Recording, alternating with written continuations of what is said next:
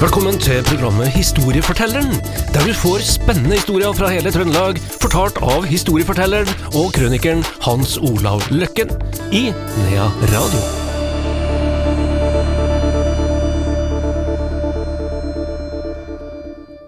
Historiefortelleren er tilbake her i Nea Radio med ei ny historie, og eh, i dag, Hans Olav Løkken, da skal vi snakke om, eh, om eh, en ung mann fra Sarpsborg.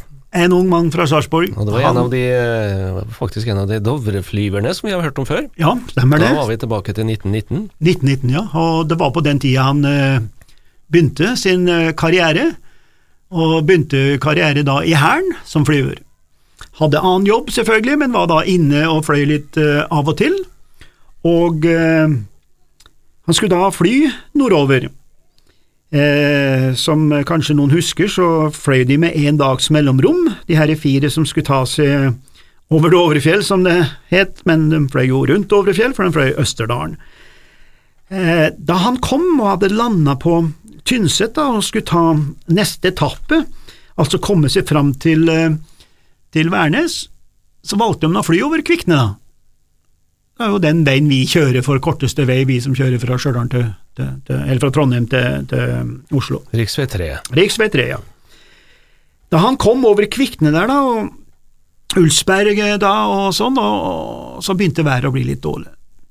Eh, ikke verre enn at det gikk fint, men eh, motoren begynte også å klikke. Så eh, plutselig så sto den der propellen. Og det er sånn merkelig, den der, eller, for vi som har og flydd litt småfly og sånn, da, når, det er ikke sånn som hjulvispen på, på Mixmasteren og kjerringa, at den går i flere eh, omdreininger etterpå. Det er liksom bare to-tre slag, og så står! Og når du ser at propellen står foran det, da kan du forvente at flyet begynner å, å gå nedover også. Og eh, da har du jo jo Nå skal jeg fortelle en ting som mange kanskje ikke er klar over, men jeg treffer så mye folk, til og med i min egen bransje, de sier nei, de vil aldri være om bord i et småfly. Det tør de ikke. De skal være om bord i store, ikke sant. Du tør ikke være med på sånn småfly som søndagsflyver og alt mulig sånt. Men det er jo det tryggeste du kan fly.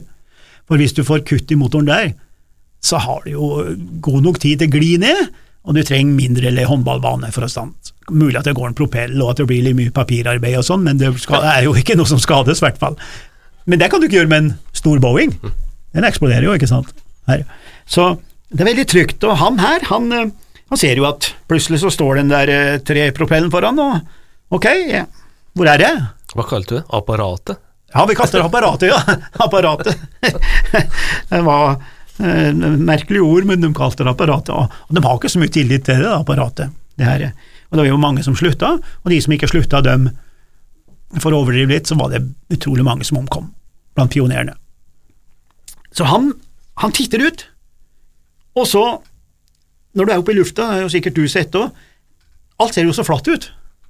Når du nærmer, når et landingspunkt der, så kan det være veldig så bratt jorde, men når du er oppe, så ser du å ja, der er det et jorde bortpå, så der lander vi. Så han tok peiling på å lande på jordet til en av Solberggårdene oppe i, i Sørbygda, oppe i, oppe i Soknedalen. Og der gjør vi et bitte lite stopp, for vi må ikke, vi, vi må ikke glemme navnet Solberg her, for når jeg skulle skrive den historien, så måtte jo dit det skjedde. Så jeg tok kontakt og spora opp bonden på Solberg, da. Han het Arnt Solberg, fantastisk trivelig fyr, og kjerringa og alt, og vi satt der og drakk kaffe, og en utrolig fin familie. Så skulle han ta meg ned på jordet, da, vise meg hvor han her Gunnar Thorsen, da, som navnet på vår helt her nå, hvor han hadde landet. Så kommer vi ut av våningshuset og sitter inne og drukker litt kaffe der og prater tull. Og jeg trodde det var én gård der oppe, men det var sånn som der jeg kommer fra. Når jeg vokste opp, så hadde vi 17 hus på gården. Det er jo litt sånn typisk sånn gudbrandsdalssystem, med at du har der er ett hus for hver eneste ting. Trønderne, er litt smartere, for de bygger sånn trønderlån man bare bygger på etter hvert som det blir mer. Men vi i Gudbrandsdalen vi har liksom den rene landsbyen, vet du. Det har sikkert sett på bilder og sånn. Så jeg trodde at alle husene her var jo en gårde, Nei da, vi kom ut og går 20 meter, og det er et nytt våningshus, er, og så kommer det en fyr der. Må jo hilse på han nå, tar han i hånda og sånn. Ja, god dag, Hans Olav Løkken uh, Stjørdal. sier jeg. Arnt Solberg, sier han. Arnt Solberg? Men det var jo Arnt Solberg som fulgte meg ut. Ja, nei, det, han het også Arnt Solberg. Så tenker jeg, hva i all verden dette her for noe? Så går vi litt til. Og der, så jeg trodde fortsatt vi er på samme gård, det, vet du. Men der òg er det en ny gård og et nytt hus. Ny person. Arnt Solberg. Og de er ikke i slekt. Tre stykker bor med 40 meters eh, der, på samme liksom, nesten gårdstun, og ikke slekt. Er ikke det fantastisk? Det det jeg satt og humra hele veien hjem igjen, altså. At det, at det, går an, altså, for det er jo en tilfeldighet, ikke sant. Her. Jo da, så han herre Gunnar Thorsen fra Sarpsborg, som flyr det flyet her, her, han har da plukka ut det jordet i all hast, ser, setter seg, og så er det altfor bratt, vet du. For det er som jeg sa, du skal ha god trening for å se at, at det ikke er helt flatt. Og det går litt fort utfor, men der var det noen solide hesjer, og det var jo én, to, tre, fire tråder, og flyet det flyr på, eller det, det, det fær nå gjennom hesja, men haleroret ble da stansa av fjæretråden. Så vi sier det at det var fjæretråden som berga han, da, ellers så han jo havne utafor stupene der nede, da, og sånn. Så han berger livet, der han Gunnar Thorsen, går ut av flyet, og der kommer jo folk strømmende til, ikke sant, her, de trodde jo det var folk fra Mars som kom, og da tar han seg et par sigaretter der, og, og liksom tenkte over livet, da, for det her gikk jo bra, da, han var jo en tøffing og alt mulig sånn, og eh, han måtte ta toget tilbake til Østlandet, da. Så han kom seg aldri til Værnes, da, han herre Gunnar Thorsen. Gunnar eh, Thorsen fra Sarpsborg, han slutter da, sier opp kontrakten med Forsvaret, og blir en av Norges første bilsakkyndige, som det het den gangen, i Biltilsynet som det heter nå. Og han har sjef da der nede i Østfold.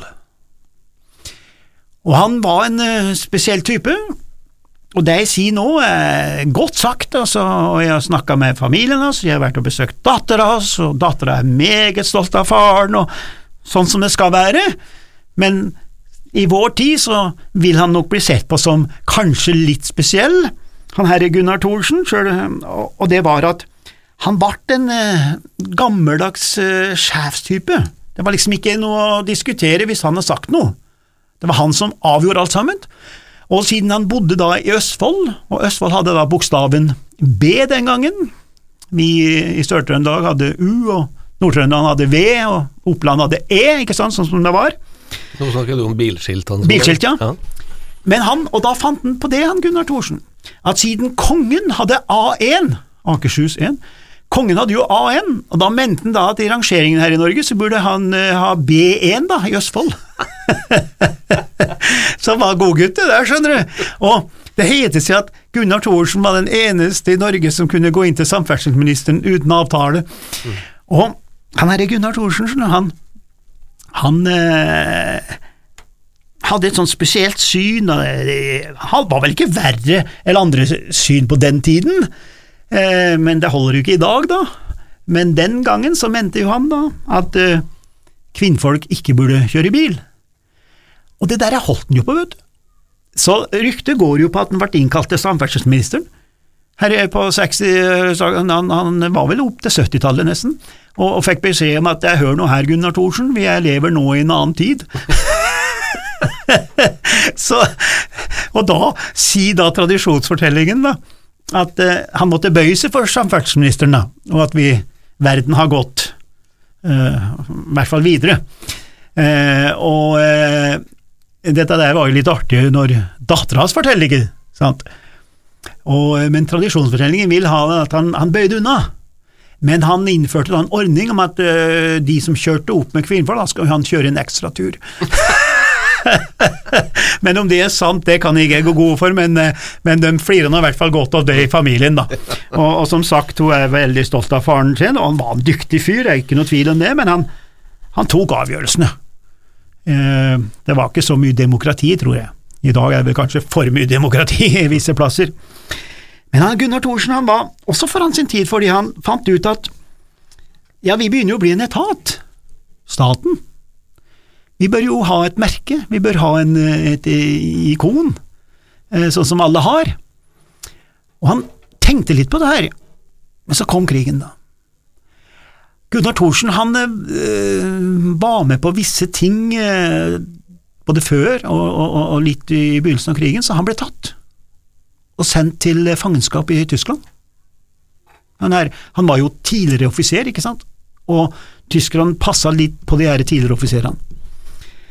Han havna i tysk fangenskap der nede, og der møter han Og husk på det at jeg ser på debatter på TV-en og i radio og overalt her, folk klarer ikke å skille mellom en fangenleir og en konsentrasjonsleir. Altså, Når jeg sier hva er den mest berømte fangeleir i annen verdenskrig, så kommer folk og sier Auschwitz og Dachau sånn. Det er jo ikke fangeleir, det er konsentrasjonsleir, det. Men i fangeleiren, det er de militære, sant, ikke sant, så hadde de ganske bra behandling i gåseøyne, i gåseøyne selvfølgelig. Men han ble jo sittende da, i en fangeleir med engelske flyvere. Han var flyver sjøl, liksom, og de, de pakka ham sammen, da. Så han sitter der, og overlever selvfølgelig det fangenskapet, han ble jo behandla ganske bra. Og han sitter fortsatt og tenker på den derre ikonet som en skal ha. Så ser han på uniformen at de her Royal Air Force-flyverne, de har jo en vinge på brystet, som de fleste som er flyvere har. Så han tegner av den vingen. Og det er da grunnlaget for det som er ikonet til Statens vegvesen i dag, en flyvinge med bakgrunn i Royal Air Force, og flyvingen og ikonet til Vegvesenet heter da selvfølgelig Kråka, den dag i dag. Det sa vår historieforteller Hans Olav Løkken. Ei ny historie fra Hans Olav om ei uke til samme tid.